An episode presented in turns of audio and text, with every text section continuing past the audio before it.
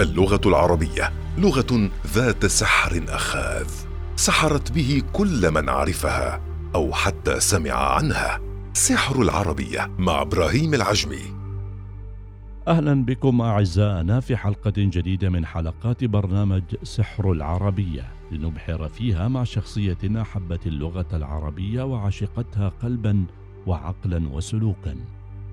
في هذه الحلقة من برنامج سحر العربية مستمعينا نستضيف فيها أحلام بنت عيسى العبرية متحدثة أولا عن كيف أنها كانت تعاني صعوبة في كتابة الحروف العربية في صغرها ومتى بدأت تتقن كتابتها ومن ساعدها في ذلك.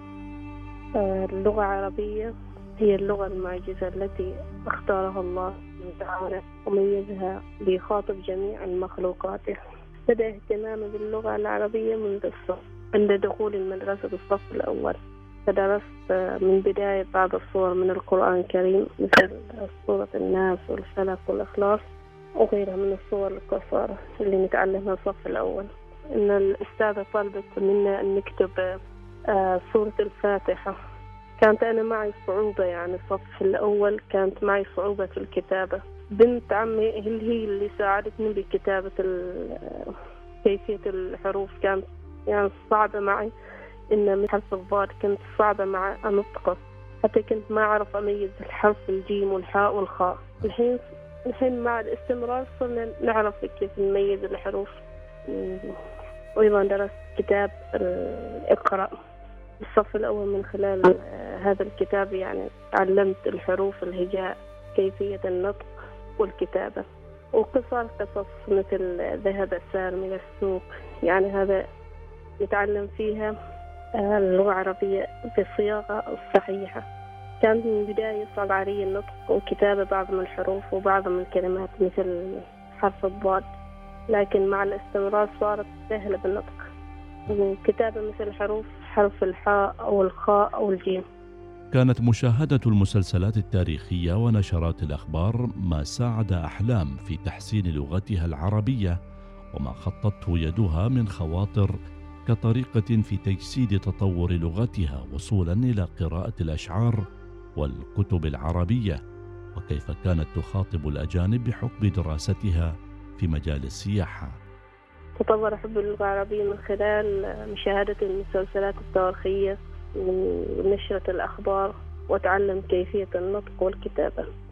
وأيضا الكتابة كانت كنت أمارس بالكتابة الخواطر لأنها يعني أدت إلى تحسين مهارات الكتابية واللغوية أيضا ساعدتني على تنمية موهبته وأيضا ما ساعدني على تطوير اللغة. العربية كنت أقرأ القصص الأنبياء القصيرة وهذا اللي ساعدني لتحسين اللغة وطريقة النطق الكلمات. أصبحت يعني إلى أفضل كيفية نطقها.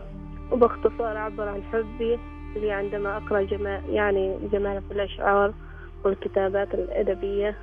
التي يعني تساعدنا على قدرة الظهور. هذه اللغة دائما بأشكال وأساليب تعجز اللغات الأخرى على مجاوراتها نعم. والأخير لو ما تعلمت القرآن الكريم كنت ما أتعلم اللغة العربية. أيوة درست كلية أعمال السياحة. نعلم ممكن يعني نعلم مدرسين مثلا. هذا هذا اسمه يعني كذا باللغة العربية. لأن إحنا كنا ندرس باللغة الإنجليزية ما ندرس باللغة العربية. الأجانب أغلبيتهم الأجانب اللي يدرسون بال يدرسون اللغة الإنجليزية. مثلا نعلمهم تحية الإسلام السلام عليكم نعم. كيف حالك؟ ومثلا هذا الاسم اسمه فبورة كذا يعني نعلمه باللغة العربية. لم تجد العبرية صعوبة في إظهار مدى اهتمامها باللغة العربية فهي تمارسها في عملها بحكم علاقة وظيفتها بالمراسلات مع حرصها على الكتابة في وسائل التواصل الاجتماعي بلغة سليمة. اللغة العربية بشكل يومي أمارسها في العمل موظفة حاليا في إدارة الموارد البشرية خلال كتابة الرسائل للدوائر الحكومية والتعامل مع الموظفين.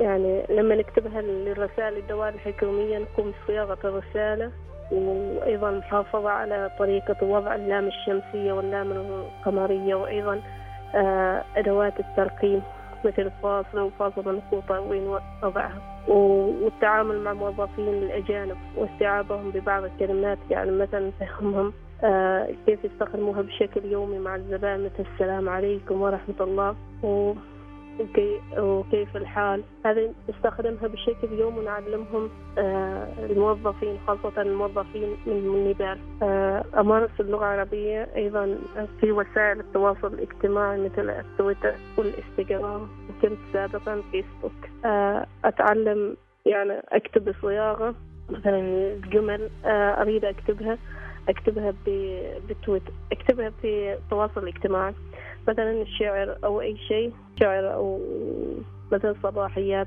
أكتبها بتويتر. وأنا أحرص آه، على كتابة آه، آه، وأنا أحرص على كتابة اللغة العربية في الوسائل الاجتماعية مثل التويتر بصورة سليمة. في نهاية حلقتنا من برنامج سحر العربية استضفنا خلالها أحلام بتعيسى العبرية متحدثة عن حياتها مع اللغة العربية كيف بدأت واستمرت وتربعت اهتماماتها في قلبها. مقدمين لها الشكر ولكم أعزائنا المستمعين. على أمل بلقاء جديد في حلقة جديدة.